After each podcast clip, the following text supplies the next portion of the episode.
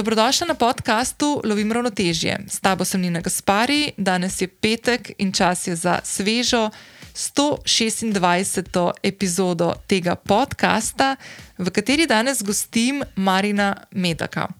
Marina sem spoznala mogoče že kakšni deset let nazaj preko mreže Twitter in že takrat se spomnim, ko smo se nekajkrat videla pa je štev dobrih 20 let takrat, je bil to za me človek z držo in srcem na pravem mestu in odličen sogovornik. In vesela sem, da sva danes v ta pogovor, ki ga boš poslušala, oziroma poslušal, ujela točno to: uh, načelnost, uh, spodobnost, empatičnost in občutek za uh, dobro debato in za em empatijo bom tudi to povedala, pa bom povedala potem malo kasneje, zakaj. Uh, da malo predstavim Marina. Marin prihaja iz Pirana, je aktiven športnik, med drugim je preveslal Atlantski ocean, kasneje še Sredozemsko morje in številne druge destinacije, bo o tem tudi malo govorila. Je tudi podjetnik, ki zadnja štiri leta um, oblikuje krasno zgodbo Dela Spina. To je optika v centru Ljubljane, in na spletu, kjer si lahko izbereš očala z brezplačnim preizkusom na domu. Delaspina ne samo, da oblikuje lastna očala, ima tudi lastno delavnico za brušenje, sodeluje neposredno s proizvajalci okvirjev in dioptrijskih leč in izdeluje lepa in kakovostna očala po bistveno manjši ceni, kot, jo, kot jih običajno poznamo na trgu. Uh, ena tako res krasna zgodba, ki jo bo Marin razložil, in jaz sem jo imela srečo okusiti uh, na lastni koži, in bom o tem tudi malo več povedala v pogovoru. Je pa Marin tudi aktiven državljan in to že leta in leta in leta, zelo je povezan z naravo, vedno je bil, in zelo pomembno se mu zdi, da se spodbuja. Um, Zavedanje o tem, da je narava naša skupna dobrina, da mora imeti vsak od nas, državljank in državljanov, dostop do narave, do jezer, do morja, do rek, do gozdov, do gora in da je v skupno dobro vseh nas, da za naravo skrbimo. Je pa Marin, in to bova ugriznila v to temo v drugem delu pogovora, poleg tega, da je aktiven državljan, je tudi. Človek, ki je svojo držo in svojimi um, um, prepričani in uh, komunikacijo, ki je spodobna komunikacija in mnenje, že nekajkrat uh, več kot očitno na Twitterju pičil našega aktualnega predsednika vlade, ki je nad njega, oziroma tudi konec koncev nad njegovo podjetje, poslal celo vojsko ljudi, da naj to bojkotira, da naj ne hodimo k njemu uh, poučala in tako naprej. In uh, bo Marin danes malo razložil v drugem delu epizode, kako izgleda, kaj se zgodi, ko, ko poveš svoje mnenje na glas, pa to politični eliti gre v nos. Uh, kaj se zgodi, če protestiraš, pa te odnesejo z Marico. Um, kako izgleda, če greš na sodišče, um, pa kako izgleda, če uh, v zadnjem primeru, naprimer, kaj se zgodi, če se odločiš, da boš nakazal denar političnim strankam, ki trenutno kandidirajo na volitvah, ki jih imamo čez dva tedna. Vse to in še več v današnjem pogovoru, ki se mi zdi ne samo, da je aktualen zdaj, ko smo dobra dva tedna pred volitvami, če to poslušaš v realnem času, ampak bo aktualen vedno. Marin zelo lepo zaključi današnji pogovor s tem, kaj si želi, v kakšni družbi želi živeti, on in za vse nas želi isto. Um, in se mi zdi tako en tak res um, krasen, krasen uh, pogovor za skok v še enega od vikendov, zadnjega, predzadnjega, preden gremo na volitve in se gremo odločiti, kakšni, v kakšni državi in v kakšni družbi želimo živeti. Uh, preden skočiva v pogovor, ti želim še sporočiti, kot vedno, da če še nisi prijavljen oziroma prijavljen na podcast Lovim Ravnotežje, to lahko storiš zdaj prek aplikacije, na kateri običajno poslušaš epizode. Vedno sem vesela tudi ocen in mnen, ki mi jih lahko pustiš na podcast aplikaciji ali pa se mi oglasiš na zasebno sporočilo. Najraje vidim, da to narediš na Instagramu, ker se ti bom takrat naj, tam tudi najhitreje lahko odzvala nazaj. Lahko me tudi označiš, če boš poslušal ali poslušala epizodo na sprehodih, me potegaš, objaviš na svojem storju in mi s tem pomagaš, da za ta podcast, ki ga z veseljem ustvarjam, uh, sliši še več ljudi. Uh, tebi podobnih žensk in moških, ki bi jih take teme, ki jih pripravljam, utegnili zanimati. In tudi tokrat lahko spodaj v opisu najdeš povezavo do zapisa epizode, kjer te čakajo povezave, ki smo jih danes uh, z Marinom omenila v epizodi in prek katerih lahko Marina in Delaspino sprem, spremljaš tudi vnaprej. Uh, sem pa dodala še dodatne stvari, ki sem jih že omenila v prejšnjih epizodah, konkretno v 124. epizodi, v kateri sem gostila Niko Kovač, eh, direktorico inštituta 8. Marec.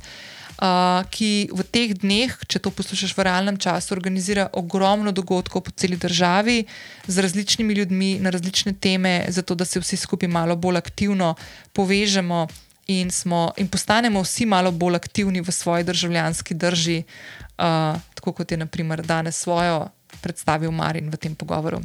Uh, se slišimo še ob koncu epizode, zdaj pa uživaj v pogovoru z Marinom.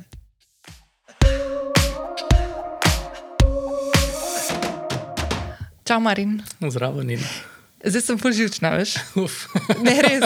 Manj kot jaz. Ne, veš zakaj? Zato, ker, um, ok, ful stvari je, ker ti si primorc. Ja. In jaz sem kao neko, nekaj vmes, in pol vsakeč, ko se s primorcem pogovarjam, imam tako. Oh!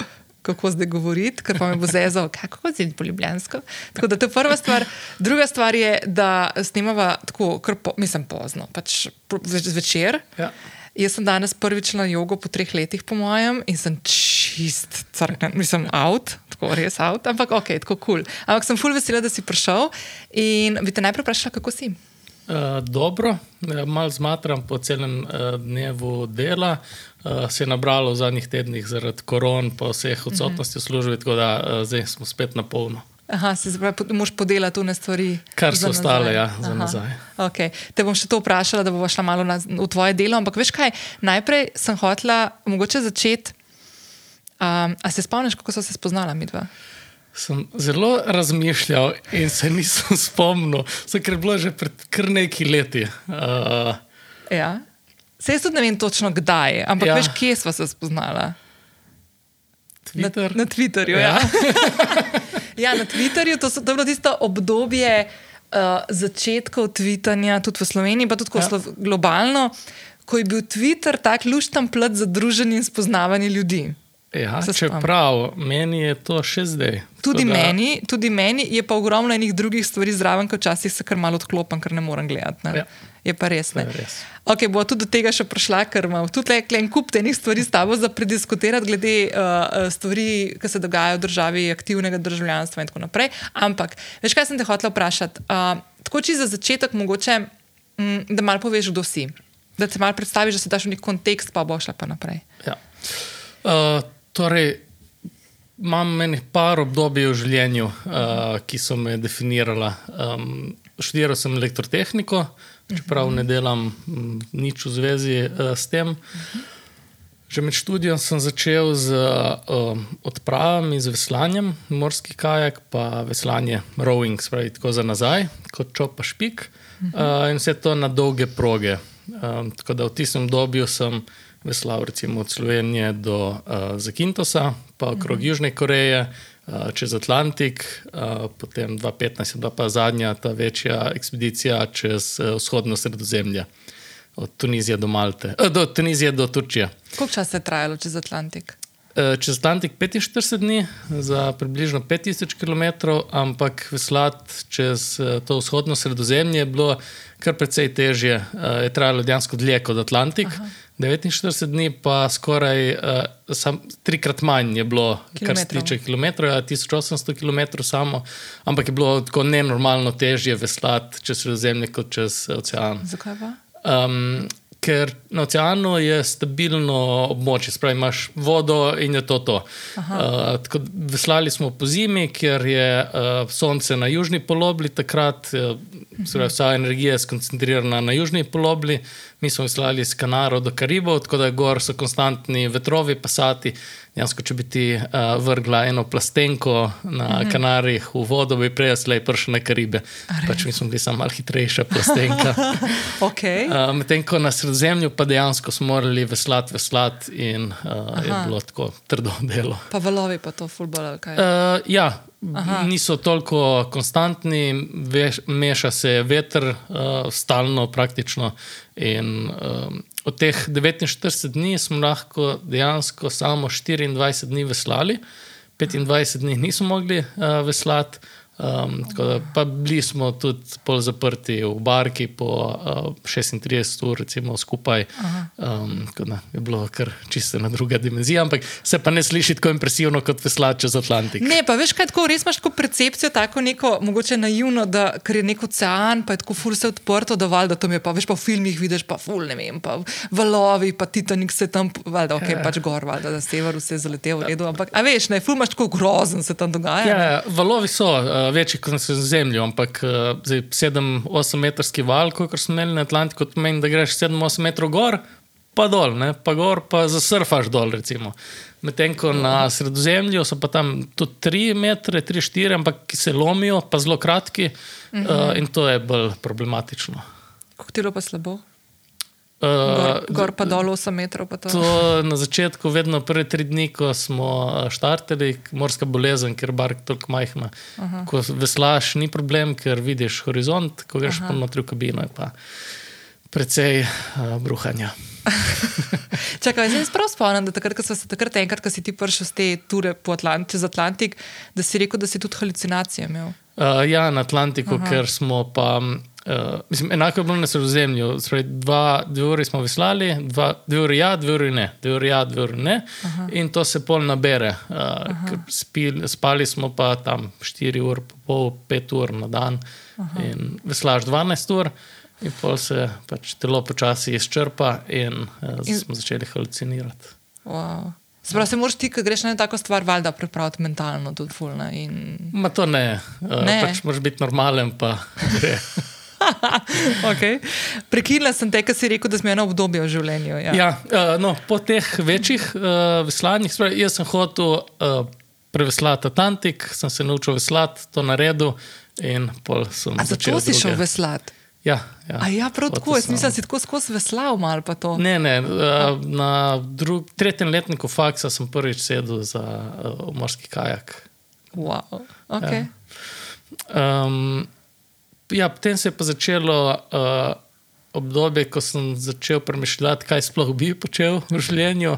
Um, in nisem našel enega pametnega odgovora, tako sem najprej začel delati uh, obeske za ključe, majhne kajake, kanuje. To, spomnim, ja. to delam še danes. Uh, to je dejansko financiralo pol vse moje druge podjetniške poti. A res? Ja, Um, Tam nekje sem videl stik, pa izgubila. Ne? Ja, to je bilo v prvih obeskih. Ja, ja. Točno, um, ja. Pol vmes je bil tudi Ojvo, to je bil takrat najmanjši polnilec za uh, iPhone na svetu. Um, s tistim smo šli na Kickstarter, ampak naredili ogromno začetniških uh, napak, tako da smo um, kampanjo ustavili. Smo zbrali v 80 dneh, mislim, da 26 tisoč dolarjev ampak bi jih morali krat dva v tem času, da bi se nas plačalo. Tako da smo cancelili, sprobili smo vse, nismo Aha. uspeli in uh, smo zaključili, da nismo pobrali denarja ljudem. Um, potem se je pa začela moja pot v očalih. Uh, da, oče je uh, imel včasih proizvodnjo okvirjev, pa optiko potem Aha. in sem zrasel gor s tem. Nisem si pa prej niti slučajno mislil, da bom jaz uh, kdaj delal uh, dioptrijska očala. Ej, kak, okay. Ker jaz nimam take, naprimer, ful mi je vedno fascinantno, ker ti nisi prevzel, če si prav razumem, ti nisi prevzel nekega družinskega podjetja. Ne, sem pa uh, pomagal najprej očetu, ker mu je šlo slabo. Okej. Uh, sem mu pomagal, uh, smo zboljšali, ampak on, uh, ni, nisva, nisva, nisva si delila istih uh, metod dela in prijemov. Um, tako da je kar bil razkorak generacij, Aha. in uh, potem sem jaz šel na svoje. Aha. In jaz se spomnim, ker tvoj oče, vi ste imeli to trgovino optiko, ste imeli tam blizu, ko sem jaz živela v Luciji. Ja. Uh, kaj pa oče zdaj delaš v pokoju? Oče je pa uh, lih pred šestimi meseci šel v penzijo. A, ok, ok, kul. Cool. Ej, ful dobro, ok, dej pa, pa um, se pravi, ti zdaj z očetom probaš, se ne najdeta, ste še vedno frenda, ne? Ja, ja, on okay. je ogromno pomagal v best. Delaspini, čist, uh, mislim, znanja itak. Jaz vse, kar mm -hmm. uh, sem se naučil, sem se naučil od njega. Mm -hmm. uh, pol pa tudi čist fizičnega dela, on je na začetku tudi brusil uh, očala, tudi pol, ko smo že imeli zaposlene, je on uh, pomagal mm -hmm. brusiti. Tako da je Hudo. zelo. In Delaspina, ki si začel svojo zgodbo o očalih, se je zgodila kdaj? Um, Delaspino smo kar nekaj let pacali skupaj od dva, konca 2016, um, lončili smo januarja 2019. Uh -huh. To je bilo pa skupaj z Gigo Designom, uh, uh -huh. tudi Ojvo smo skupaj delali. Uh -huh. uh, Tako da smo bili partnerji uh, v tem. In Ja, Če kdo ne ve, Gigo Design je ena od, um, če ne vodilna, v bistvu dizajnerska agencija pri nas, ki dela res take velike ja. projekte in res hude. No? tako. vrhunski strokovnjaki, uh, kar se tiče produktnega, grafičnega, pa tudi servis uh, -huh. Pa oblikovanja. industrijskega dizajna. Ja, ne? ja.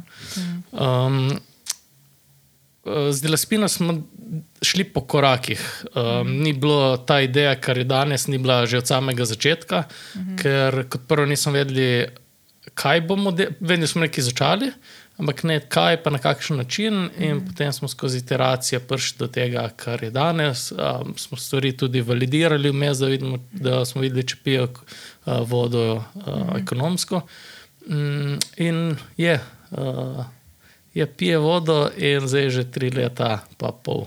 In zdaj vmes se- vmes se je ta COVID zgodil, in vi ste bili v bistvu nevede, kar mal pripravljeni na to, a se jaz motim. Uh, se, zgodilo? se motiš, uh, Aha. zato ker uh, večina ljudi kupuje očala takrat, ko se preveri dioptrija.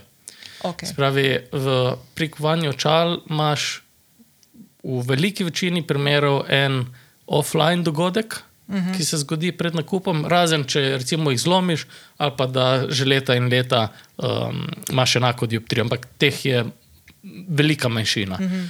Tako da, ko se je zgodil COVID, um, nismo bili uh, pripravljeni in ni nam šlo boljše, recimo, Aha. ker smo uh, online, niti slučajno. So, ker ljudje niso mogli iti na preglede uh, In je vse to zastalo. Ne? zastalo. Sicer smo še vedno uh, bili precej boljši od uh, unih, ki niso na spletu, uh -huh. ampak ni pa to, je bilo daleč od tega, kar bi bilo nekaj normalnega. Uh -huh. um, tako da takrat uh, mi smo nov stroj uh, kupili oktobra, od novembra 2019. In uh, smo pač prvi kredit uh, takrat uh, dobili za 70 tisoč evrov, in je bilo to odp- treba odplačevati. Uh -huh. In um, je bilo bolj tako iz rok uh, usta, uh -huh. uh, vse skupaj. Um, ko se je začela korona, jaz si nisem mislil, da bo res tudi nam prišla, ker so, pač so bile pandemije že prej v Aziji, pa niso Ja. prišle do nas in je me kar presenetilo. Um, Na srečo, no, takrat smo kar hitro reagirali, smo izdali eh, izredne bone.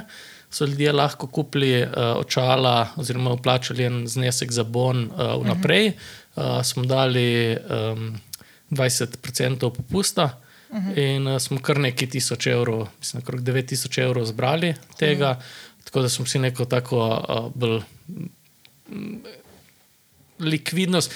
Na koncu se je izkazalo, da bi šlo skozi tudi brez tega, ampak mm -hmm. takrat, ne vem, marca noben ni vedel, kaj ne. Takrat, unga marca 2020, evo, da vas premaknem nazaj, ker Marin je namreč tako ful upleten v to, zdaj bom jaz to omenila, ker se ti moram javno še enkrat zahvaliti. Ampak takrat, v začetku marca 2020, ko smo se zaprli mislim, da je bil 13. petek, 13. ki smo se zaprli, pa nova vlada se je takrat začela, ki je prišla z zelo fotko, famozno z unimi maskami, bova to bolj malo kasneje govorila. Ampak um, in jaz se spomnim, da me je takrat moj stric klical iz New Yorka, Emil, in smo se pogovarjali, valjda smo bili čisto panični. Um, In jaz se spomnim, kaj on meni rekel, oziroma to je bilo kasneje, ker v New Yorku še ni bilo, oni so bili takrat tako klules, kot smo bili mi. A veš, dva tedna predtem, ne, ah, to prezveze, to tam nekje Azija, pa to pa, pa je bil že Bergamo, pa je bilo že tako malo, oh, ok. No in sem se z njim pogovarjal, bilo kao, vse ok, mi fulme je miril, pa, pa tako ene dva tedna kasneje je pa pri njemu bila panika ja. in je rekel, mi ne moramo mask dobiti. Ja. In jaz sem takrat na Twitter, famozni Twitter, ker smo se spoznali, uh, napisala, da ne morem poslati mask. V Ameriko, ker pošta pač ni delala. Ja. In takrat si se ti javil, da lahko, mislim, da FedEx, tvoj službeni se, Eh, ali mislim, DHL. DHL je bil, ja. DHL. Mm. In smo zrihtali tako, da sem jaz polučeta aktivirala v Kopru, da je on tam Ja. napravil tiste maske, pralne še takrat, ker so še pralne maske, moderne, Ja. a ne, ker ni bilo v njih drugih. In, je, uh, in smo jih pol poslali s tvojim DHL računom, ja. full hvala za to, ker si takrat tako aktiviral in, in ker jaz se res nisem znašla. Poleg tega, da sem bila v totalni paniki tudi jaz in se ja. prijavila na temeljni dohodek, tudi ne brabla pol in vse živo, mm. ostalo, kar je pol čakali in kar sem pol tudi plačala, seveda lepo nazaj, a ne, Jan, naslednje leto, ampak ok. Ne, da veš kaj, da je mogoče tako, ker jaz zdaj, da mogoče še malo upletem, zdaj tukaj sebe noter, jaz sem kašen slab mesec nazaj prišla k vam tudi na pregled. Tako da sem celo to pot uh, stranke, ki pride k vam, doživela, ful mi je bilo všeč. Uh, Uh, ful mi je bil, pr prijetno mi je bilo, ful, strah mi je bilo zaradi tega, ker pač jaz tako z očmi imam ful težave, si tako niti kapljic ne morem dati oči. Ja. In sem se ful bala, da bom imela un pregled, ker po mojem sem ga samo enkrat v življenju imela, veš, pregled oči. In sem se ful bala, da mi bo kakšne kapljice, no da ja, sem na ful vesela, ker dva, vaša tjaša je tudi rekla, jo, jaz tudi to ful ne maram, tako da ne skrbeti nobene kapljice. Ne bo. In ugotovila sem, da ima minus pet uh, dioptrijo, malo, čist Min- malo. 0,5. ne. Nula, a, sorry, uh, ja, minus 0,5, ja, Ja. minus 0,5 je valjda. Uh, čistko mal, ampak sem si izbrala uh, trojno čala, pa pa pol mal še povedala, kje je. Ampak da je mogoče tako za nekoga, ki še ni slišal za delaspino, kako sistem sploh deluje.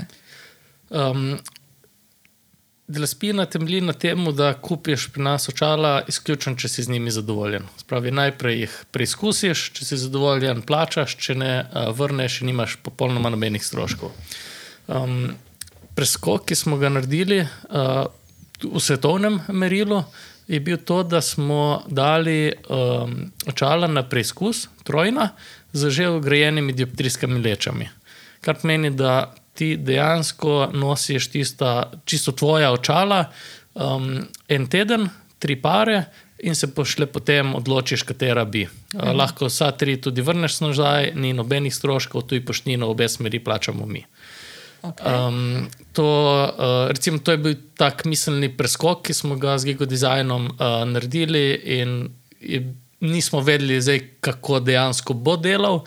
Izkazalo se je, da je zelo dobro, da je ljudem to všeč, ker uh, veliko se zgodi, da recimo uh, probajo take, ki drugače nikoli v življenju ne bi. Spravi, ko greš ti načeloma v optiko, zbereš ene, tiste kupiš, ni to. to. Ja. In vedno nek safety bed, so krčala, tudi niso poceni. Um, vzameš nekaj, kar boš lahko vsak dan nosil in veš, da boš lahko nosil. Uh, pri nas pa lahko si malo bolj ekstravaganten. Uh, probaš tudi nekaj, kar drugače ne bi. Pa dalj časa jih lahko probavaš, ne samo tam v času, ko si v trgovini sami. Tako optiki, pa ne. tudi s svojimi priskimi lečami, spravi, mm -hmm. uh, predvsem tisti z večjo dioptrijo, se vidijo uh, z Aha. njimi. Ne? Um, lahko greš ven, pokažeš uh, prijateljem, uh, sodelavcem, ti pokomentirajo in izbereš po najboljše.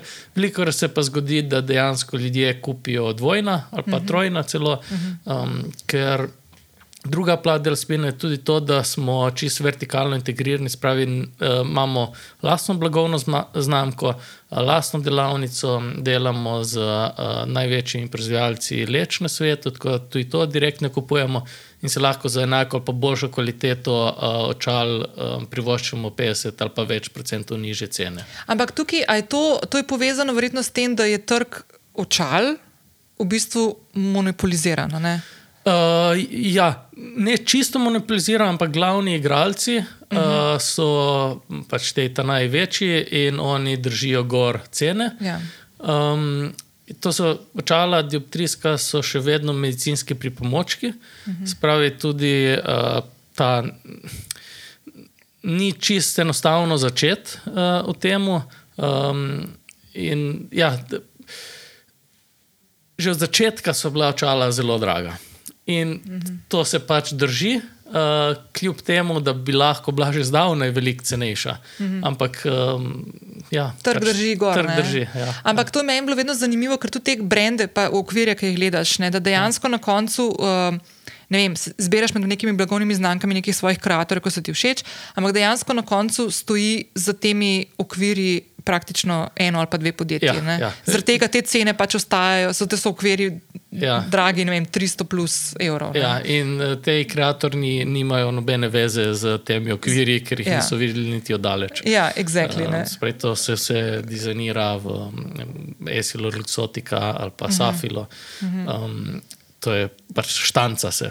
Ja, ja, ja. V očalih, recimo, kakšne posebnosti so tašne zelo nišni uh, brendi, um, ki uporabljajo kakšne zanimive materijale ali pa tašne bolj odpičene stvari.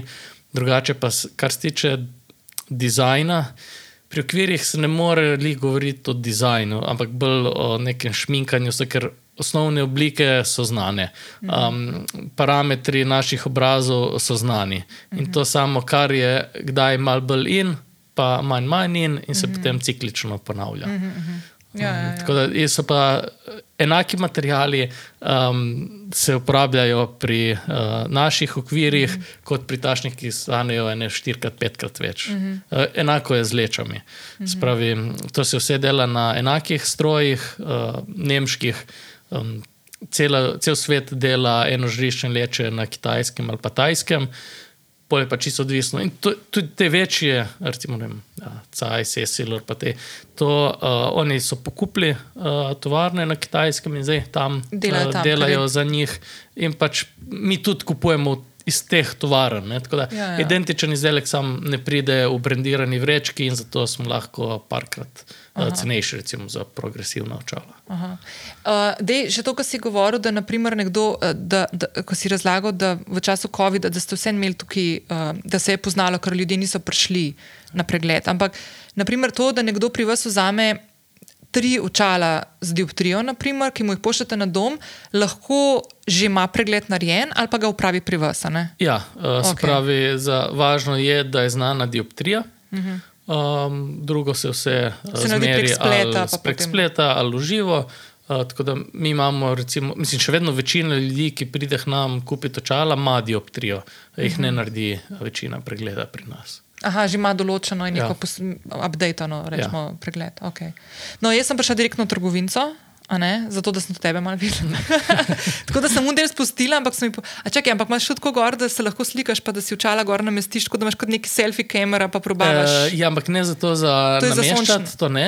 ne. Um, uh, selfie se naredi zato, da začunamo zenično razdaljo. A, točno, to ja. meni tam v trgovini rečeno. Ja. Okay, uh, drugače pa ne, to dela. Uh, samo z najnovejšimi iPhoni, ki imajo 3D, ki skenirajo. Uh, pri drugih teh navadnih ne, ne deluje, zato ne. ker se eh, en milimeter pri očalih pomeni veliko več kot recimo en milimeter pri oblekah ali pa čevljih. Valda, ja. Ali ti totalno ne paše, ali pa ti paše. Aha. Tako da um, mi nismo najboljši. Uh, Najboljša rešitev za nekoga, ki prvič kupuje očala, za nekoga, ki prvič pride, on ne ve točno, kaj, uh, kaj si želi. Ne, kaj si želi, ampak kaj mu paše, sploh, kaj paše. Uh mhm. -huh. In um, uniki pa so že večkrat kupovali, pa približno ve, pa potem se lahko primerja tudi z. Um, Merami očal, uh -huh. tako da si od treh, si večina, vsaj ena, zbere uh, online, ki so, jim pašejo zelo. Aha, ker jih že tako vidijo in živejo po obliki, ja, mogoče ja. tudi malo, kakšne so taka. Okay. Uh -huh. um, zdaj, ok, imate eno so ta. Čak ti rečeš progresivne? Ne, progresivne so za starejše. Aha, ok. Uh, ja. Očala z dioptrijo? Ja, ja. Potem imaš sončna očala? Sončna očala, sončna z dioptrijo. Uh, mi se večinoma fokusiramo v dioptrijska, ali navadna, ali sončna. Okay. Um, tako to, ker eh, dejansko pri sončnih v zadnjih letih se je tako eh, velik razkorak uh, naredil, uh, veliko ljudi pač kupujete za ta hitro v trafikah, pa so bolj potrošni material. Um, eni pa pridejo tudi čisto v optiko kupiti. Pa, uh, tako kot Kjer, a to zakrijejo. misliš, ta za brat pa to? Ali Ne, ne, kaj? z- sončna. A sončna Ja. prav, a ja, v grafikah. Ja. Aha. Jaz, kaj jaz te vidim, ful, kao z dioptrijami. Jaz to sploh si ne predstavljam, naprimer, da bi kdaj, a veš, da, da bi imela dioptrijo, pa da bi šla v DM, naprimer, pa da bi si kupila očala. Meni je to tako, ne vem. No. Ja, veliko ljudi si ne more privoščiti. To je no. zato, no, ja. Uh, ali pa si mislijo, da je dovolj v redu, kar mislim, dejansko je za ti nekaj malega. Za Te na hitro se ja. to starejši uporabljajo, ker so v plusu, mlajši imamo načeloma vsi minus. Ampak uh, neki za hitro prebrati deklaracijo v uh. -huh. trgovini so una ok, si ne škoduješ, ni pa zdaj, da bo še eno uro Na bral rok, ne, uh, ja. z njimi. No, in pa so še ena očala, ki jih pa kao mora vsak imeti. Ta za ekrane. pa to. Ne, to pa zdaj se zezam, zdaj Marina zdaj spravlja malo za drego, ne za nalaš, ampak ne, ampak ful mi je dober, ker mislim, da si ti enkrat pred časom. To je meni vedno všeč, ko vidim nekoga, ki se ukvarja na nekem področju, strokovnjak na, nekem, na, neki, na neki stvari in tam tudi služi denar, rečemo temu, pač poslovno si vezan na neko področje, na neko strokovno polje eh, stro, strokovnosti. In potem um, mal vržeš bombico noter. Ne? Da pač poveš, le, so določene stvari, ki so marketinške in so določene, no, ni nujno, no, bova povedala zdaj, in so določene stvari. Ki so lahko na tek, so pa določene stvari, ki dejansko funkcionirajo. In ja. tle je bilo pri teh očalih za modro svetlobo, si ti tako bil zelo uh, odkrito, semi-kritičen.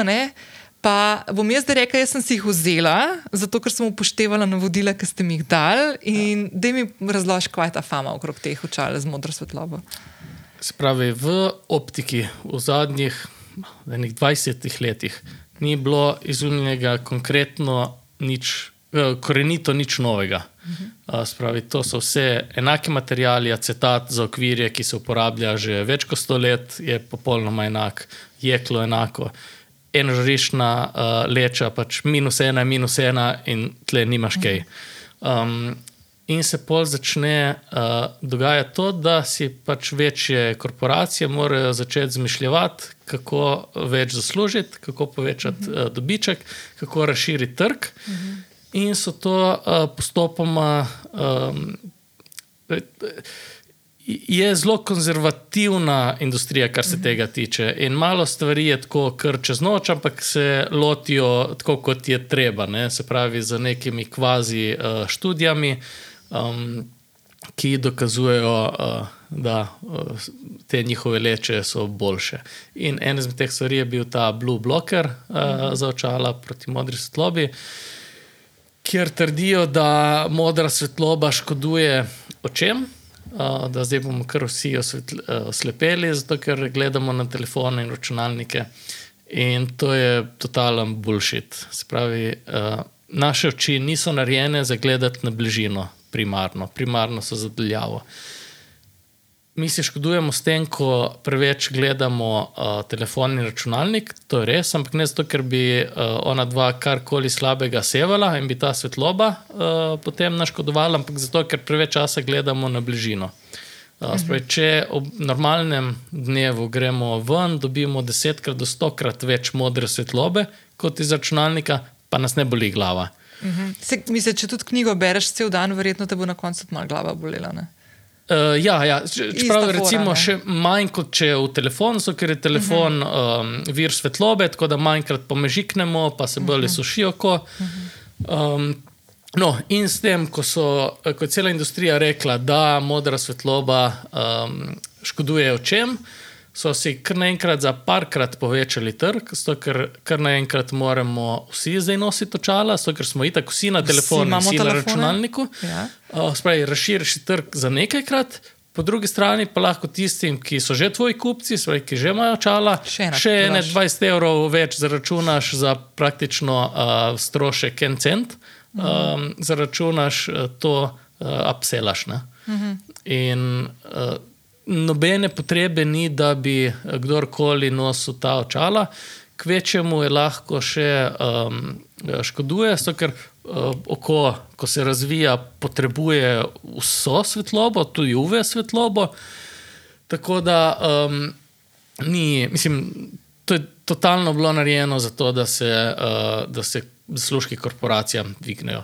Um, edini primer, kjer uh, je potencialno ok, uh, da se to uporablja, recimo ob večerjih, ampak takrat je še boljše, ne da se ta m, za modr slob, ampak prav čim bolj oranžna očala uh, uporablja, ker zvečer pa ni dobro, da gledamo preveč svetle uh, stvari, prav recimo v zaslone, zato ker. Um, Hormoni se nam drugače izločajo, in zvečer bomo hitreje zaspali, recimo, če bomo imeli uh, ta rumena, oranžna očala ali pa tudi ta. Ali pa če ne bomo gledali, naprimer, v ekrane. Ne? No, to je sploh. Ja, uh, ali ja. pa če recimo, zdaj telefoni se nam doskrat že čisto avtomatsko dajo na night mode.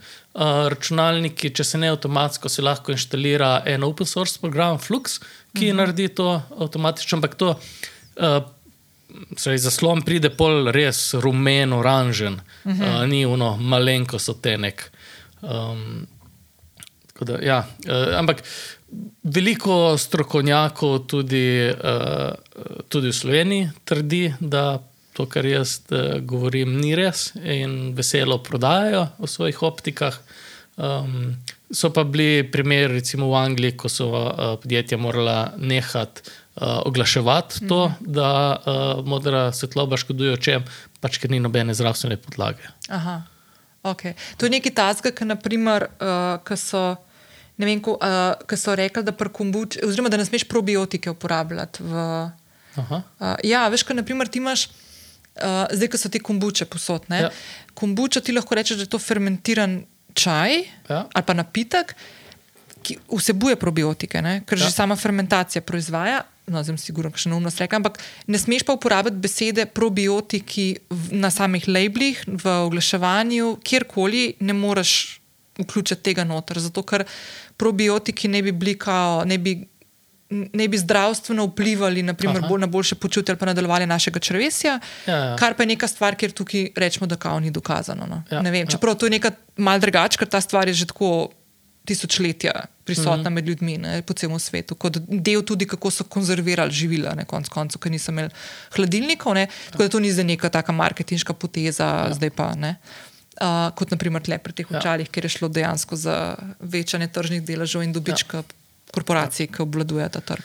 Ja. Ampak ja. In uh, problem je, da ljudje pri uh, nakupu očal moramo zelo zaupati uh, optiku, mm -hmm. kateremu pridemo, so kar ti dejansko ne veš, lečo, leča je prozorna, oziroma mm -hmm. pa, če je sončna, je sončna, ampak popolnoma nič ne veš drugega o tej leči. Mm -hmm. Lahko še vidiš, ali ima antirefleks gor ali ne, ampak to je to. In um, ta lepo fejt, da ti mhm. res zaupaš v enem srkjaku in da ima on v um, mislih tvoj dobrobit je v optikah veliko krat skregana. Um, mm -hmm. Zato, ker ogromno krat se zgodi, da optik recimo, ti proda nekaj, kar ne rabiš. Um, Imáš dioptrijo minus ena, pa ti kar da dvakrat ali pa trikrat tanjšane uh, leče, zato ker vidi, da si se pripeljal z dobrim avtom. Um, in kar ni nobenega razloga, da bi moral biti, zato ker ni nobene razlike v uh, debelini leče. Ker Aha. ni tako, da, zdaj, eh, da bo vsaka dioptrija pri večji tanjšavi tanjša. Mislim, bo v teoriji, ampak to v praksi pomeni eno stotinko milimetra lahko. Nič, je pa to dražje, zato se to obdeluje. Ne? Ja, ja. Um, ne, to se ne obdeluje. Recimo, eno žične leče se sploh ne brusijo. Ko rečeš, da so brušene trikrat, ne, to ni res. To je samo drugi material z večjim lomnim količnikom. Spravi, Aha. lahko se na manj uh, debeline bolj zlomi svetlobo. Aha, okay. In uh, to je samo drugi material. Aha. Popolnoma enako obdelano. Pol. Ful zanimivo. Veš, to se spomnim, veš, kaj sem se pomislil, ko smo mi vodko delali, kako rečeš, da je ultra premium nek, neka vodka, v katero kategorijo pade. Zato ker, je, zato, ker gre dvakrat ali pa trikrat ali pa še večkrat skozi destilacijo. A veš, da res narediš čisto smutne, da te ne zapali v nos, pa v usta, v grlo, da, te, veš, da je tako nežna, da lahko spiješ samo. Ja. Takrat nisem predstavljal, kako lahko vodko samo piješ, to ugabno. Ne? Ampak so neke vodke, če so res dobre, da res ti lahko samo spiješ, ne rabiš mešati z neko ja, Coca-Cola, ja. juicem ali ne vem čem. Ne. In takrat sem se to, zdaj se, zdaj se smejem, zato si začel tako, sem si mislil, da ja, pa večkrat to brusijo, valjda je pa to dražje. Veš, kao, jaz bi padla na isto foro. Ja. Jaz, veš, je to zelo smešno. Do ene, dva tedna, tri tedne nazaj sem imela mojo prehransko terapeutko, uh, ki je tudi ena taka, kot si ti, ki tako pove, kako je. a Veš, ke, pa čeprav bi lahko rekla, da bi več prodala, naprimer, stranki. Ja. Ja.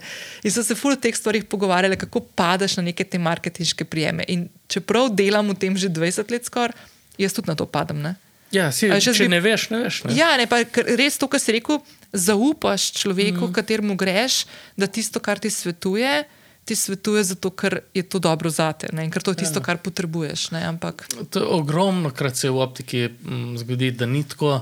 Mm. Uh, zato, ne, nekateri so plačani tudi čisto po uspehu, koliko prodajo. Mm. Pa, uh, pa kickbacki od raznih uh, providerjev. pa tako. To načeloma ne. To ne? ne, Aha. uh, to ne ampak um, sorry, nekdo, ki je tam plača na minimalcu, uh, osnovna plača in pol je uh, plačan mm -hmm. po stimulaciji, koliko proda. Bo valjda ja, stimuliran. ne. uh, Ja, ja. Ker sli, sliši se ne slabo, ne? Spravi, če plačeš več, boš imel tanjše. Ja, logika je nekje, ne? sam rezultat v realnosti pa ni tak. Kje pa ti misliš, da so največji izzivi v, v te, na tem področju, na katerem ti zdaj delaš? Uh, A so kakšna, mislim, zdaj si rekel, da tako se že ne vem, desetletja nič ni spremenilo v bistvu v stvarih, ne? ja. Ampak Uh, kar se tiče enoženčnih očal, uh, mislim, da je to to. Zdaj, kar bi lahko uh, naredili, je kakšne ne, high-end, res uh, revolucionarne kontaktne leče, uh -huh. um, da res ne izsušujejo uh, očesa, uh, pa da ne vem, še kaj zraven, kakšne dodatke. Um, kar se tiče progresivov, to so tiste, ki so zdaleč in za blizu v enih, -huh. uh, tam mislim, da je precej prostora še. Um, Ampak eh, tisto pa je dejansko tudi jaz, ki sem inženir, pa res uh, v tem ne razumem čisto uh, dobro. Recimo, ne da se narediti leče, uh, progresivne leče, spravi, da v zgornjem delu je zadaljavo, v spodnjem za branje, to je take, ki uh -huh. potrebujejo načeloma tisti, ki so 50. Plus. Ne da se narediti take, da kamorkoli pogledaš, je uh, prava dioptrija tvoja. Spravi, vedno je mrtvi kot ob straneh, Aha. in tega se ne da, uh, za enkrat se ne da tega rešiti. Um, in tle je tudi, recimo, ogromno proizvajalcev leč, je tudi v Evropi, na svetu, ki uh, pred dvema mesecema sem bila sodelavcem v uh, Romuniji, uh, v eni taki proizvodnji, ultramoderno, uh, vse najnovejše, uh, izpiljeni procesi. In ko so prišli tam, so nam predstavili, kakšne novosti bojo še um, delali. Prej so bila pa na ogledu celotne tovarne in jih je 300 pa neki, mhm. uh, blazni zaslužki, ampak pač oni nimajo enega človeka v RD-ju, oni sploh nimajo RD oddelka. Pravi nihče, razvoja. nihče nima od teh Aha. proizvajalcev uh, leč, nima razvoja, so ker cel razvoj dela ena druga firma v Ameriki. Aha. In oni potem odkupujejo dizajne, v bistvu računalniški program, Aha. ki potem te, um, te stroji naredijo leče. Wow. In teh, recimo, uh, samo par ta velikih ima, Esilor, uh, Cajs, Rodenstock, um, uh, potem pa se ta Younger Optics, oni so -huh. za vse te independent.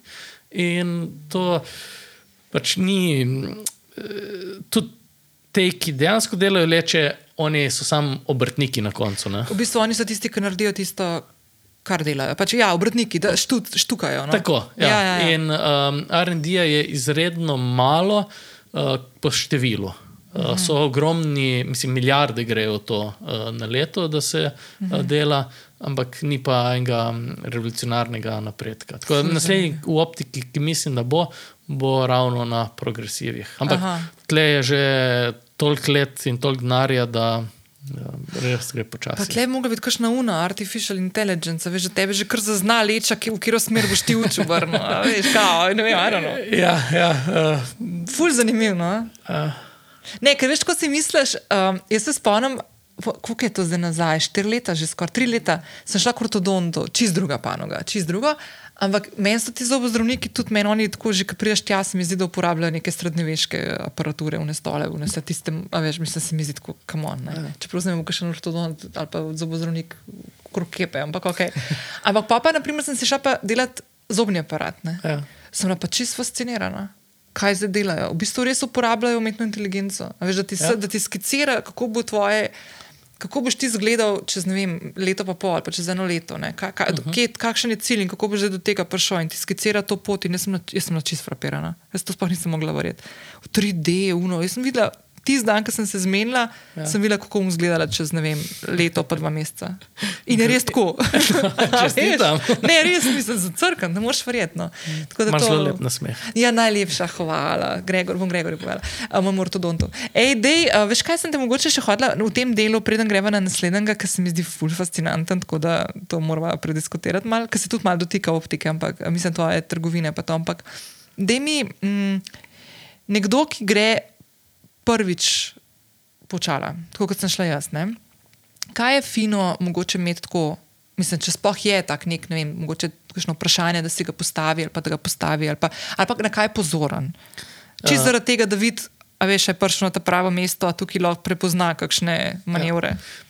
Uh, edina stvar, ki se je treba uh, imeti v mislih, ko greš prvič kupovati čale, je to, da boš uh, z njimi grozen. uh, ker uh, izredno, izredno redki so takšni, ki so si uh, lepi uh, s prvimi očali.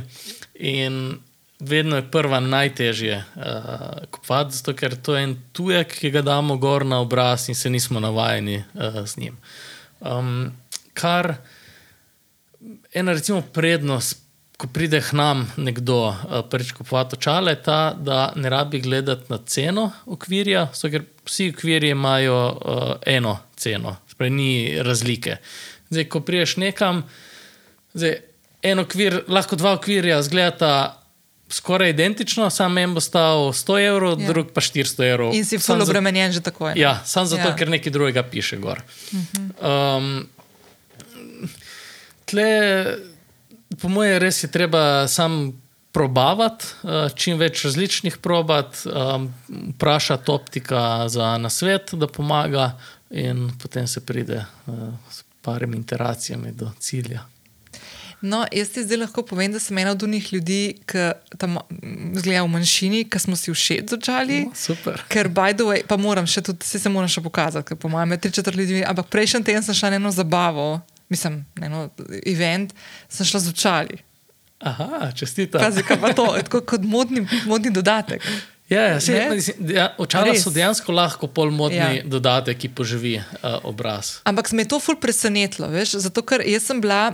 Jaz sem z mojo mamo, ki je mogla hoditi po manj dve leti, preverjati uh, uh, dioptrijo. Pa to sem hodila na obali v eno optiko, ne bom povedala, kjer imam boš ti vedel, ki je nekje tam na sredini obale. Uh, in se že smeje. V glavnem, in jaz se spomnim, vedno, ko smo not prišli, da sem jaz tudi probavala očala. ne. In jaz sem čisto frustrirana, ker meni nič ni bilo všeč. Poleg tega, imam full ozek obraz. In jaz, ko sem šla v Delaspino, jaz sem si mislila, da se ne bom najbrž nič našla. Ne? Mm. Ampak je bilo res na koncu tako, po mojem, pa ne vem, po mojem, sem imela na desetih tam takih, ki bi jih komod med njimi izbirala. Res tako, ful sem ful presenečena. To se pozna, zato, ker mi sami, to so naši modeli ne? in nismo uh -huh. zdaj odvisni od eh, kaj bojo kakšni drugi brendi naredili in da pol moramo kupiti isto od njih. Uh -huh. uh, ampak lahko, mi se trudimo, da imamo vedno svežo kolekcijo, nik- nikoli ne gremo v nek uh, hud high fashion, zato ker si tega ne moremo privoščiti, imamo pa vezno, vedno tako svežo, uh, uh -huh. trendi uh, kolekcijo. Ne, ampak tudi ta sončna čala, ki sem, si- sem si sicer vzela zelo podobna, ki jih že imam, naprimer, so tako velika, mislim, so tako moderna, sončna Ja, čala. ja, ja, a veš, niso pa- klasika, ampak Ja. fashionable. Ne? Niso pa uh, ono, kar vidiš na modnih pistah, Ja, ko ne. pač ne moreš nositi normalno, ono bi kupilo tri ljudje v Sloveniji. Recimo, ne. Ja, ali pa tri na svetu včasih. Ja, ja, ampak to je tisto, kar imaš nek statement piece, pa moraš Ja, ja, biti tudi malo ja. ja. karakter. Tak, da to nosiš. Sam to ponovadi ljudje imajo več očal doma. Ne? Ja, Nimajo samo ja, teh, ne. ne. Ja, ker se po mojem tudi naveličaš tizga. Ampak ja. Uh, a sem še kakšno stvar tle spustila? Uh, A je še kakšna taka stvar, ki bi jo povedal? Mislim, ja, eh, recimo, čist, Aha. uh, koliko so cene. A ja, dej, delastnini. no, no, no, dokaj si omenil. Ja. Spravi, um, za dioptrije do plus minus 4,5 je cena 99 evrov, za kompletno očala. Uh, Z lečami vred. Z lečami vred, ja. Okej. Um, če je dioptrija večja kot plus minus 4,5, je pa 149 evrov. Okay. In uh, sve tisti z to večjo dioptrijo dobijo že trikrat tajšne leče. Uh, ker dejansko smo šli tako, da uh, kupec pri nas ne. Edino, kar mora on poskrbeti, je to, da zbere uh, skupaj z nami ali pa sam uh, tri okvirje, ki so mu uh, všeč, um, vse ostalo pa delamo mi, so, ker smo mi strokovnjaki in mi naredimo, uh, vemo, kaj delamo in naredimo najboljše, kar se da. Um, in recimo, eni so dosti nezaupljivi, zato ker je cena. Uh, In cena, in servis, tako drugačen in mm -hmm. tako cenejši od druge, da ne zaupajo tudi kvaliteti, ampak lih tle pa pol nastopi ta uh, home try, kjer očala mm -hmm. najprej preizkusiš in potem šele plačaš. Tako Da, Zdaj, nekdo, ki nosi očala, bo te stvari tako sam takoj prepoznal. Ne? Jaz, ki naprimer, sem jih pela zdaj prvič, ne, niti ne vem, ampak druga stvar je pa ta, kar lahko povem, kar mi je bilo meni čisto zanimivo, ko smo šli na kavo, sem ti prav rekla. Da jaz, po mojem, sem lahko trikrat prva, ker res nisem šla čez to, da na dom pošljete, ker sem rekla, Ja, ja, ja. da bom mi tako v mestu, da lahko pridem, um, pa da ne lovim pol poštarja, pa tako, ampak je, jaz vsakeč, ko sem prišla, bilo noter veliko ljudi. Ja, ja, Ful uh, prometno uh, trgovino imaš. No? Ja, kljub temu, da uh, smo online, Ja. ja. še vedno nakup očal, lihovno, Aha. kar sem prej izlagal, en milimeter naredi veliko razliko. Ja. In uh, tudi jaz ne bi mogel zbrati online trojih očal, ki bi mi 100% pasali. Mm -hmm. Če prideš v optiko, lahko probaš čisto vse. Um, tako da je drugačna izkušnja. -hmm. uh, od- mislim, da očala še kar nekaj časa bo, seveda, vedno večjih na online, mm -hmm. ampak še vedno, mislim, tudi pri nas je 80-20, recimo, razmeri, kar je online, pa mm. uh, off. Ampak če zdaj nekdo posluša Murski sobo, ti pa reče, o, oh, wow, to bi pa jaz šel probat, ne, mislim, imaš opcijo, da narediš to online. Uh, online Ali pa še vedno, ko ne greš na slenčo Ljubljano, stopiš Ja. ja. tja in potem dobiš po pošti. Ne? Uh, ja, ampak imamo zelo veliko, recimo, stran tudi iz mm -hmm. uh, prekmurja. tako da, mm -hmm. Očala ne kupuješ vsak mesec. Uh, Ja, kupuješ valjda, mogoče ja. enkrat na leto, enkrat na dve leti, tri leta. In takrat si pol malo več časa lahko privoščiš uh, za to. Mm -hmm. Pa res, če ni nujno, da si zlomil svoja, mm -hmm. uh, potem lahko še malo počaka. Cool. Um, pa rekel si, da imate tudi svojo delavnico. Ne? Ja, v Mariboru um, sta dva zaposlena, uh, gor imamo vso zalogo. Uh, ena stvar je še to, da zelo hitro lahko naredimo stvari, uh -huh. ker imamo na zalogi imamo okrog 2000, uh, 9500 okvirjev, uh -huh. pa mm, ene 30 tisoč leč. Um, in lahko zelo hitro tudi komplicirane dioptrije naredimo, tako da če nekdo recimo da naročilo do povdne, uh -huh. uh, je še isti dan narejeno in naslednji dan je dostavljeno.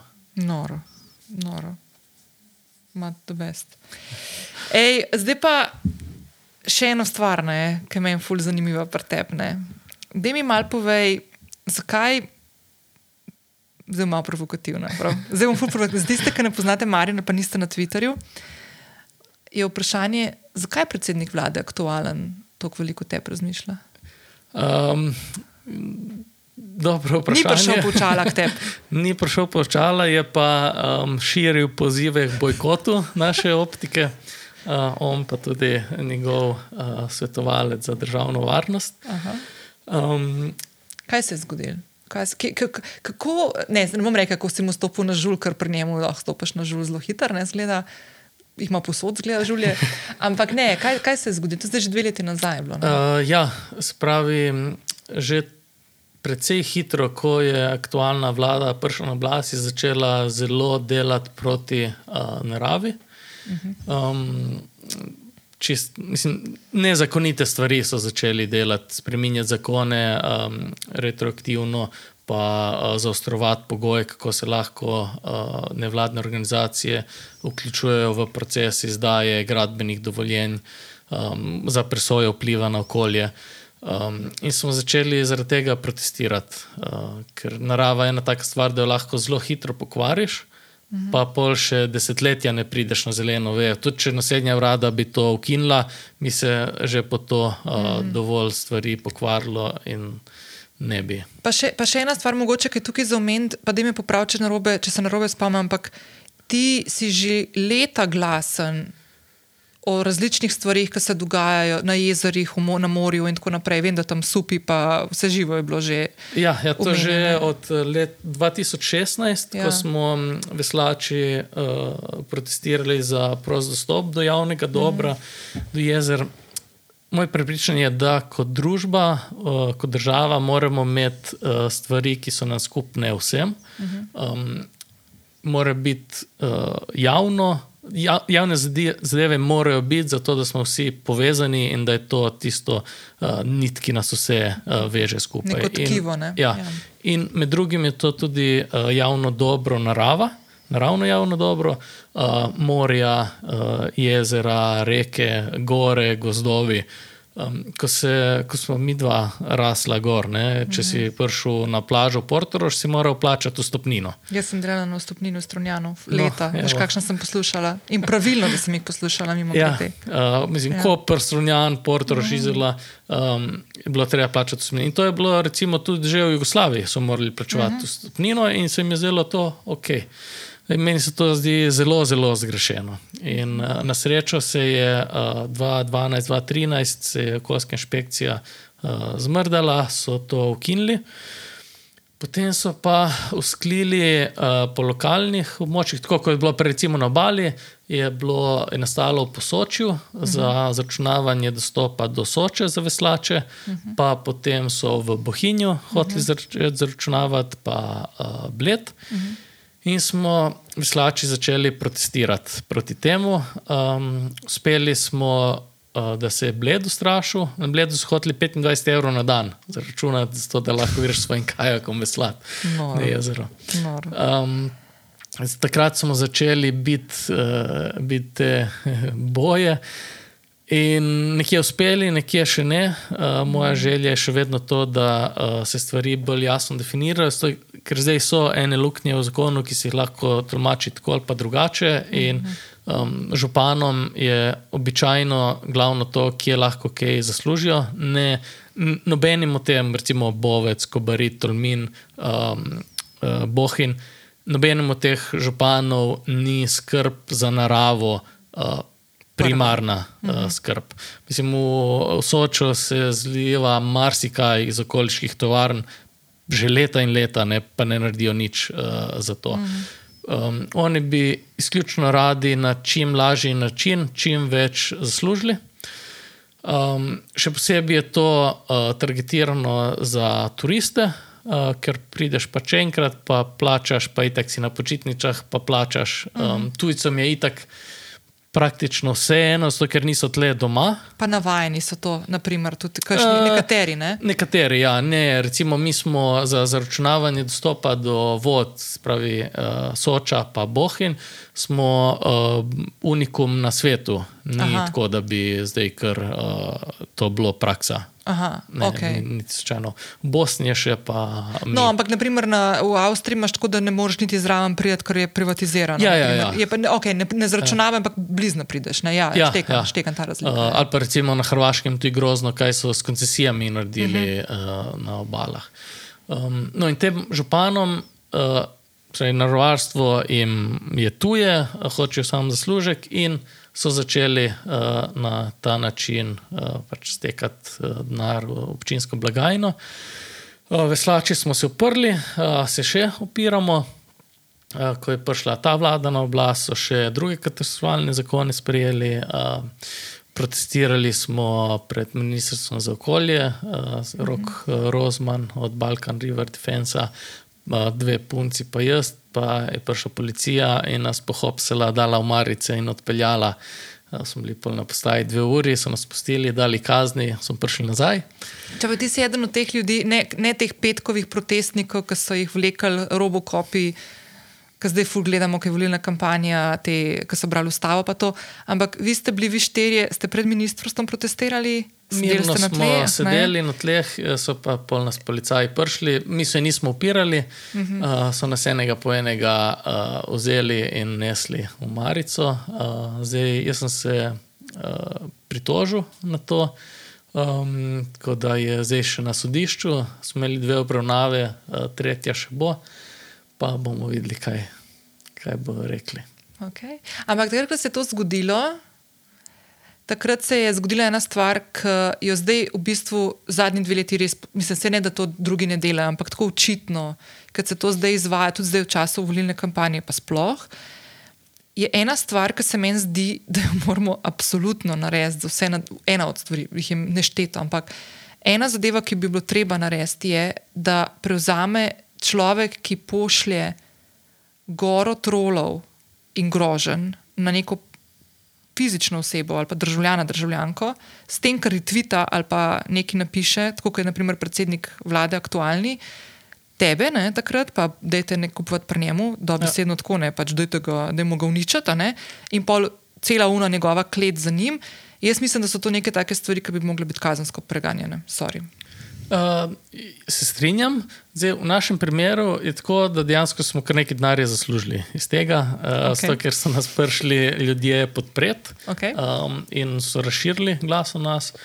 Zdaj, voljivci um, te stranke niso naši kupci, uh, razen enega poslanca, no, in očitno ni dobil brifa.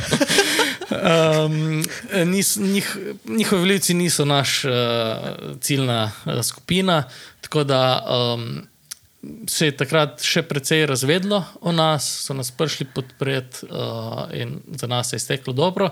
Je pa tako, da če, si, eh, če nimaš trde kože, oziroma če te briga, kaj si drugi mislijo o tebi, uh, ne more biti prijetno.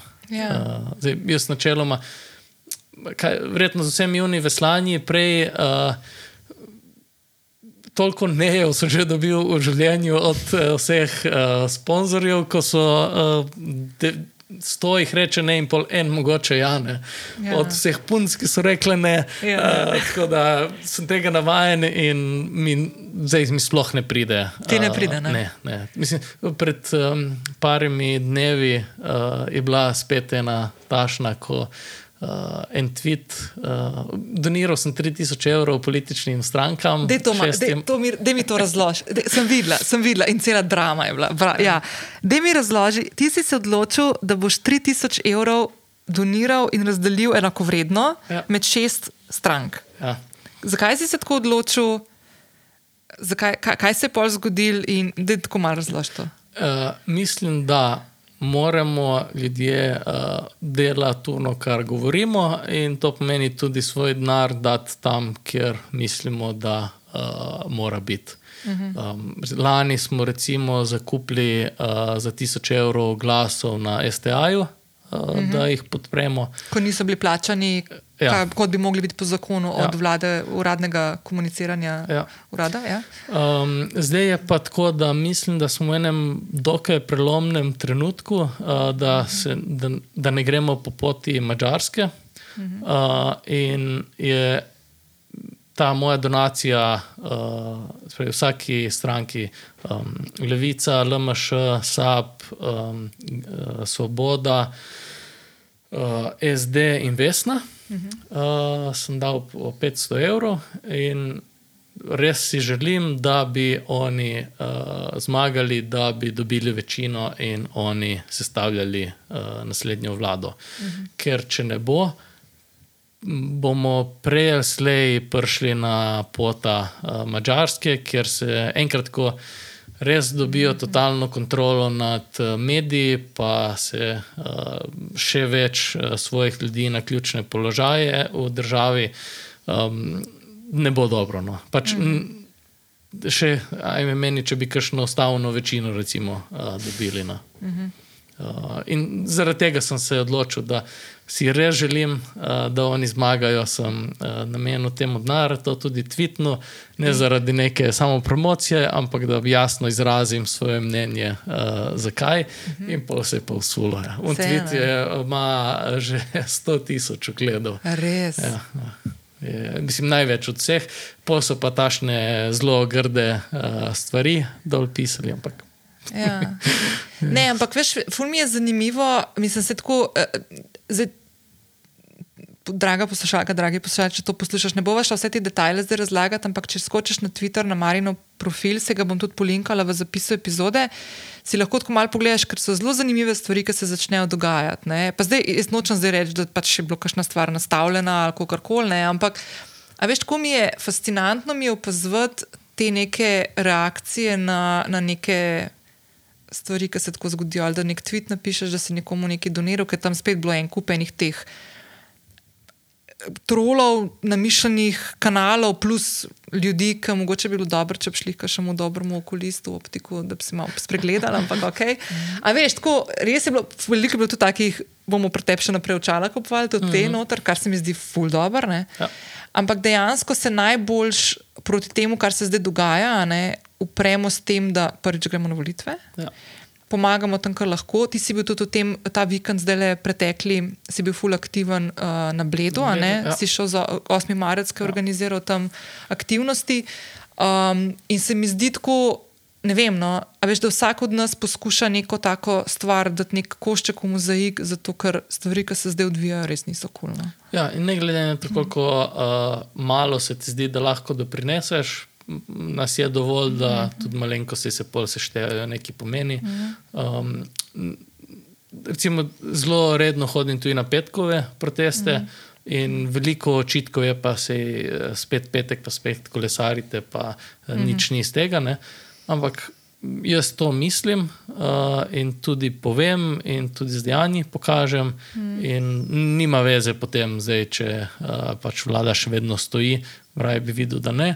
Ampak uh, še vseeno se mi zdi, da je prav, da pokažeš in narediš in rečeš tisto, kar misliš. Pa zaenkrat to še lahko vprašam. Mislim, se je že zgodilo, da nisi mogel petek demonstrirati, da so to odpravili, ali pa ne, ne petek, ne so to ja. odnesli z Marico. Ne? Ampak dejansko imaš pravico povedati in izraziti svoje mnenje, in to ti mora biti dovoljeno in omogočeno. Tudi v času pandemije je, je ustavno sodišče presodilo. Ne? Ja, ja, recimo mi zdaj to, kar um, so nas odnesli pred mm -hmm. ministrstvom. Mislim, dejansko policija laže. Uh, in na sodišču, in na unem zapisniku, uh, ko so ga nam um, naprtili. Uh, mislim, laže dejansko, kljub temu, da je posneto. Uh, Um, in ja,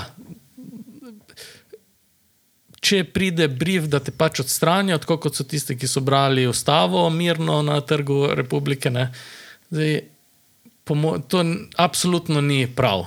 Um, in grozno je, da lahko nekdo pritisne na policijo, da ravnajo na tak način. Za mene to. Veš, če me nekaj stvar ful razjezi in ok, prvo žalosti, pa pa razjezi, je dejansko res policija. Ne? Ker, a veš, se spomniš, se po mojem smislu tudi takrat na protestih, ko smo takrat protestirali tiste prve ostajniške stvari, ki je bila tudi Janševa vlada. Ja, ja. Jaz se takrat ful spomnim policije, enako so bili oblečeni, v robokope so bili oblečeni, ampak oni so tam varovali ljudi. Ja. Če se spomniš nagelčke, so jim dajali in tako. Ja, ja.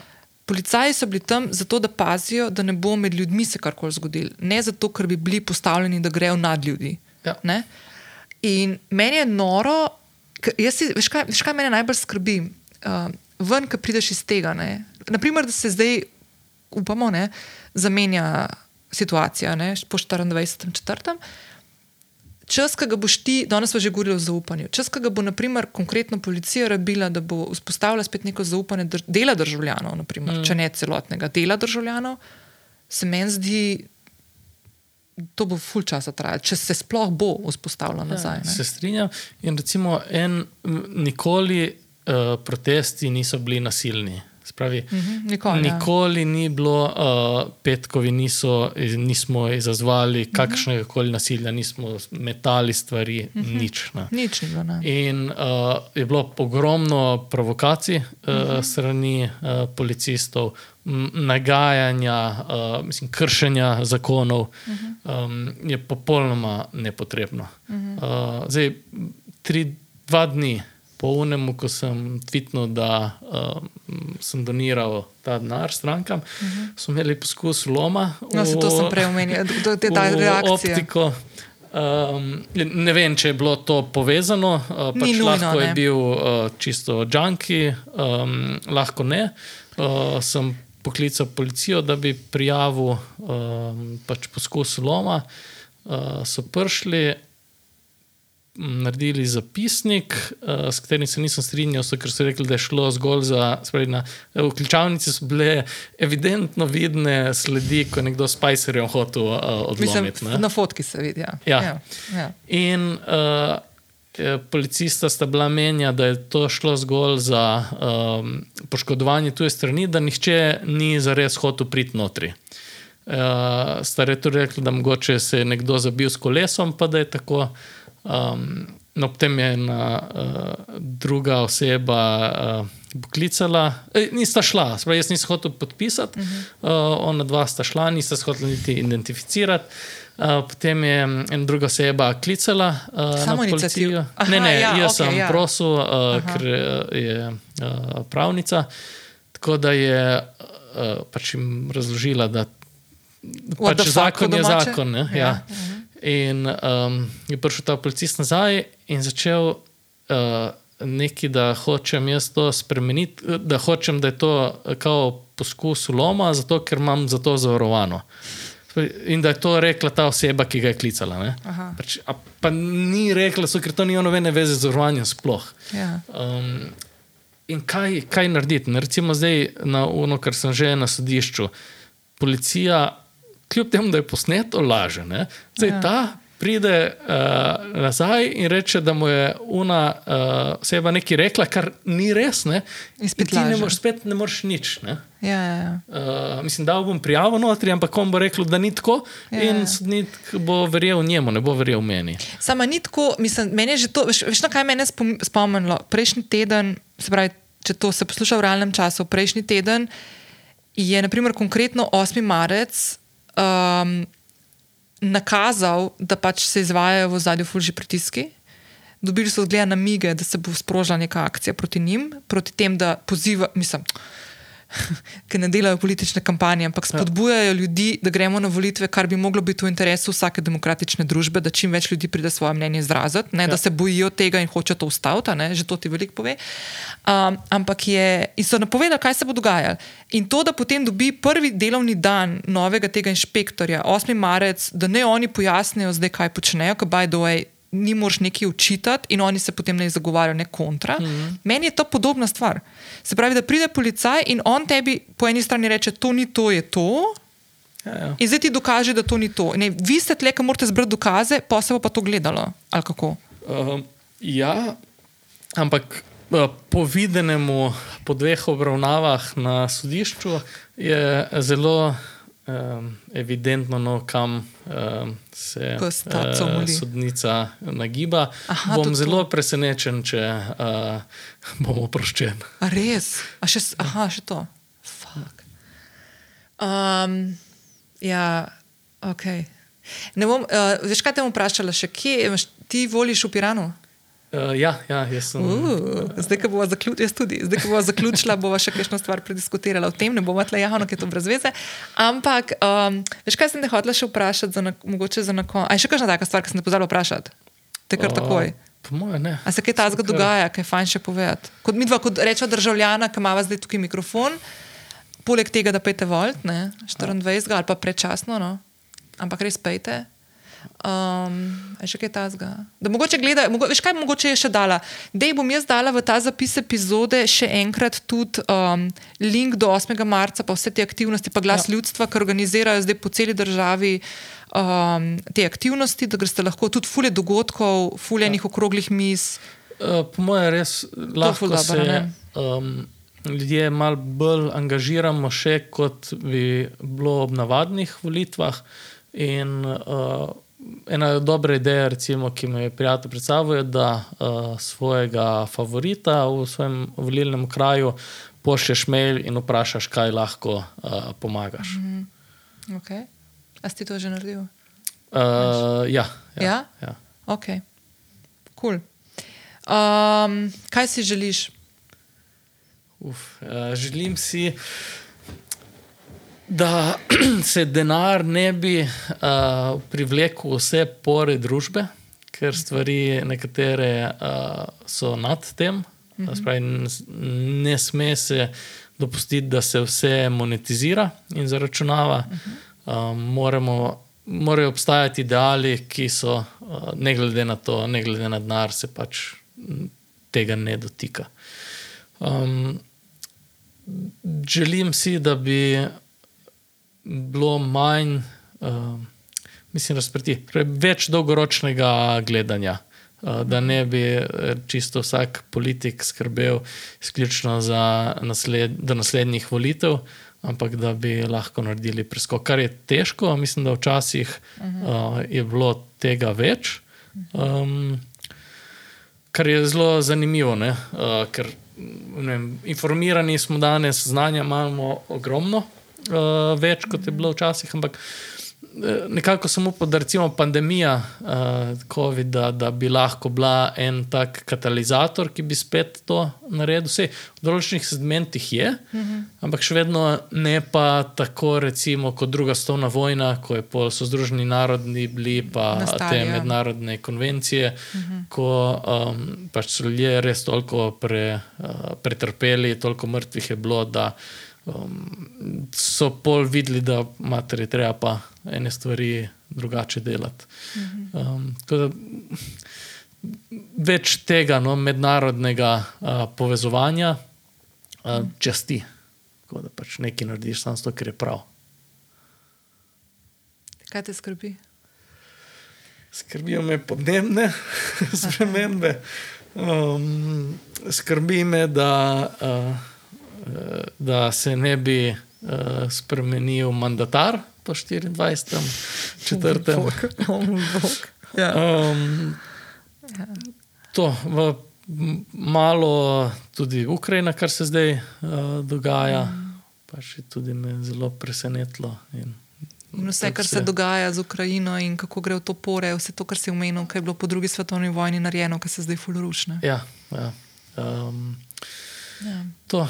No, ampak še vedno mislim, da kot družba napredujemo, mm. uh, kljub vsemu temu, no, da uh, počasi se bomo spametovali in uh, bo boljše. Mislim, ne dvomim, da bo boljše. Če bi imel časovni stroj, bi šel naprej, ne bi šel nazaj. Ne bi šel nazaj. Ampak koga bi pa povabil na, na kosilo, ali pa ne, a še ješ rogličke? Um, ja, ampak veliko manj. Okay. Marin je časih vedno roglička, vsako jutro. uh, okay. Ampak kam pa hodiš na reč na kavo, no? je tako mogoče? Uh, že leta in leta vsako jutro uh, hodim k čoklu. K čoklu še vedno ja, hodiš, ja, ja. res. Ker to ti je kar iz poti, ne? Ja, ampak ja, greš je, pa narediš krok. Ja, s kolesom in. No, za tiste, ki niste iz Ljubljana ali pa niste neki res veliki kavoljubci in ne poznate čokalje, uh, ta ključen barček, mečken, z fulepo terasto polet, pa, pa no, se tudi po zim, zdaj smo se vsi navadili tudi zunaj sedeti. Uh, čisto pod uspenjačo Ljubljansko, tam pri Ljudkovnem gledališču. No? Ja. Tako da, uh, zraven tržnice. Prosim, ne. Uh, pritrumet tja, so, ker je majhen in bo zmanjkalo sedežev. A ja, ja, to paste, ja, ja. Marin ima tam mizo. no, in s kom bi šel na kavo, če bi lahko kogarkoli živega ali pa mrtvega povabil? Na... Uh, Julian Assange. Res. Ja. Jo, to je še ena taka zgodba, ki mi je kar narodna, da sem evropejka. Koliko časa je ta človek že zaprt, brez kakršne koli obtožbe ali česar koli. Ja, uh, mislim, to, kar se z njim dogaja, je res kriminal. katastrofa. Ja, kriminal. Mm. Um, Nepredstavljivo mi je, da je lahko mm. uh, novinar, pa nekdo, ki je zgolj uh, povedal resnico. Uh -huh. uh, pač že. Kako je 14 let? Ja, uh, za zapahina. Ja. Noro. Ja. Noro. Pa v, v Veliki Britaniji. Sred Evrope, mislim, da ja. okay, ni več Evropa, ampak še vedno Evropa. No? Ja, ni Evropska unija, ampak še vedno Evropa. Um, da mi povej, kakšno dobro knjigo, film, serijo kaj tazga, kar ti je tako? Uh, zadnja serija, ki sem jo gledal, je bila zelo smešna, je bil Mrkomir prvi. Na Hrvaška ena. Okay. In je, um, se dogaja v srednjem veku, eni, uh, on je knez, Mrkomir prvi. In je tako zelo aktualne zadeve obravnavajo na, v tistem času. A pa to je hrvaška serija, Ja. ja. a da veste. Ja, in gre za, za smejance. Ok, top.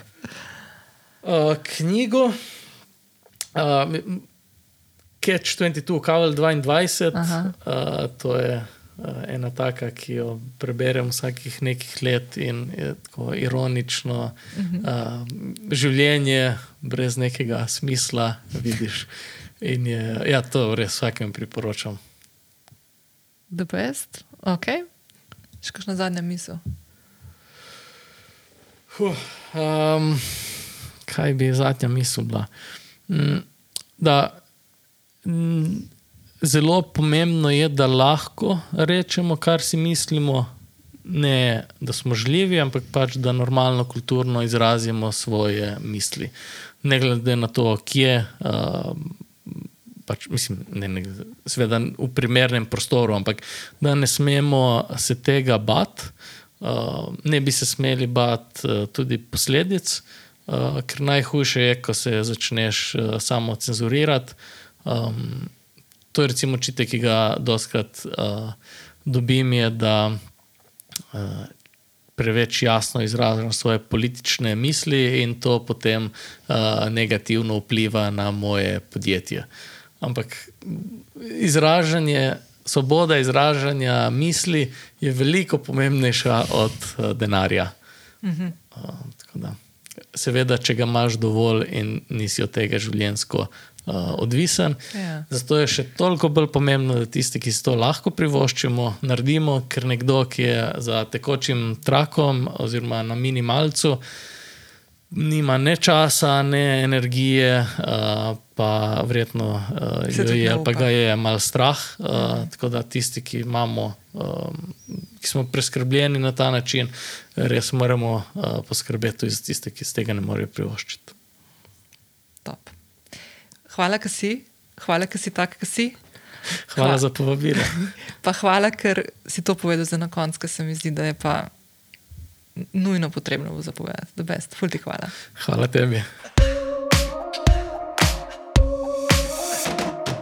Ok, evo, to je to. Najlepša hvala vsem, ki ste ostali z mano do konca. Jaz bom še eno stvar povedala. Mal sem se odločila, da bom te konce epizod namenila tudi temu, da mogoče z vami še kdaj kakšno stvar tako delim. Tako, kakšna lepa stvar, ki se je zgodila, ali kakšen film, ki sem ga pogledala, ali serijo, ali kakšno izkušnjo, ki sem jo doživela, kakšno knjigo, tako mal, da malo še tako mal naredimo en tak zaključek, pa skočimo pa v vikend, uh, tako malo bolj on a higher note, bi rekel. Um, ena stvar, ki se je zgodila točno na dan, ko smo z Marinom snimali ta pogovor, se pravi, to je bilo torek ta teden, če to poslušaš v realnem času, sem šla tik preden je Marin prišel do mene, da sem posnela uh, pogovor, sem šla na jogo po več kot treh letih. Oziroma, sploh se ne spomnim, kdaj sem šla jaz k nekomu na jogo. jogo. Tako da res, ful zanimiv. Um, in to sem šla na aerial jogo, to je tista joga na trakovih, ki si v zraku. Um, in mi je bilo ful dobro. In šla sem k Brini, jo bom tudi polinkala v zapis epizode. Brina je drugače tudi moja sošolka, mi so skupaj delali spit za učiteljico aerial joge. Ampak moram reči, da gre to v njej bistveno bolj od rok, kot bi šlo meni zdaj, ker sem čist uh, ven iz forme. Ampak se ful veselim, uh, uh, da bom zdaj tole malo bolj ak ak aktivno spet skočila noter v te vode. Uh, lahko še povem to, da sem bila tudi uh, na uh, uvodni uri predstavitvi od Klare Leben, ki je tudi že dvakrat gostovala na podkastu, pa bom tudi polinkala. Uh, ker je Klara pred kratkim, mislim, da kakšen teden nazaj, odprla Imbed studio, uh, na katerega je svojo platformo položila vadbe, prehrano, tak zdrav način življenja, pa je bilo tudi fulušno, tako da ful hvala Klara, ki si me povabila. Um, tako da ja, take lušne stvari se dogajajo. Uh, na ene parih dogodkih sem bila uh, v zadnjem tednu, dveh. Moram reči, da imam še vedno tako mal. Ah, Ne vem, ne vem, če to tesnoba, ampak tako čudno mi je ven med ljudi. Res mi je tako, tudi ko sem šla na jogo, pa na te dogodke, tako nekako se moram prav navaditi. Prav skozi imam občutek nek tak, neko, neko tako živčnost v sebi, tako da, da nekaj ni ok, da, da sem tako med ljudmi. Ne vem, tako fulje zanimiv. Pa ni me straha, kar koli, ampak tako res mi je, sam tako tak mal bizaren občutek. Ker res imam rada gužvo, jaz sem vedno imela rada gužvo, vedno sem rada obkrožena z ljudmi, ampak zdaj, odkar se je pa ta COVID, pa ta pandemija začela, imam pa jaz tako prav malo težavo in se moram prav ne prisiliti, no, ampak. Um, opominjati se moram, da moram to iti čez. Ne? Tako da, če slučajno kdo kaj take stvari doživlja, verjamem, da, da nisem edina. No? Um, se mi zdi to kar pomembno, da se malo o teh stvarih pogovarjamo, da, da ne bomo zdaj kar splavali ven iz tega, da sta šli dve leti tako malo mem za brezvezene. So posledice, ki jih bomo, po mojem, kar malo čutili. No? To, to, a ja, pa še, um, če niste na Instagramu videli, ne, um, jaz sem mislila danes tudi malo vključiti na koncu, da v epizodo mojega nečaka Bresta uh, sem pripravila mikrofon, pa vse, da bo kaj povedal, pa je v bistvu še premehano. No? Ni, ni še, nima še toliko časa, ne drži fokusa, da bi več kot dva stavka povedal. Uh, tako da sem pa samo na Instagramu objavila, da se je predstavil s svojim celim imenom, a ne to je brez Gaspari drevo, a ne kar on je brez pa je drevo, tako da to je sam dodal, pa da ima tri leta, to je povedal pol, pol, pol so ga pa že gumbi na snemalniku bolj zanimali. Tako da bo, bo brez kdaj kaj povedal, malo mal kasneje, ko bo mal starejši, pa ko bo kaj več povedal od tega. Ja, no, to, to so take lušne stvari, ki so se zgodile. Evo. To je to. Uh, jaz še enkrat upam, da si uživala, oziroma užival v pogovoru z Marinom. Uh, Marin, hvala tebi, ker si prišel in posnel ta pogovor z mano. Uh, in me malo tudi popeljal nazaj, deset let, ko smo prvič šli na kavo v Lepeti, kafe. Uh, in to je to. Jaz vam želim en lep vikend, če to poslušate v petek, uh, ali pa lep dan, katerkoli dan poslušate in si izberete ta podcast. Hvala, ker ste, hvala, ker ste z mano, hvala, ker podpirate s poslušanjem uh, mene in vsebine, ki jih pripravljam. Lepo se mejte in na čim več sončnih dni v prihajajočih dneh. Ciao!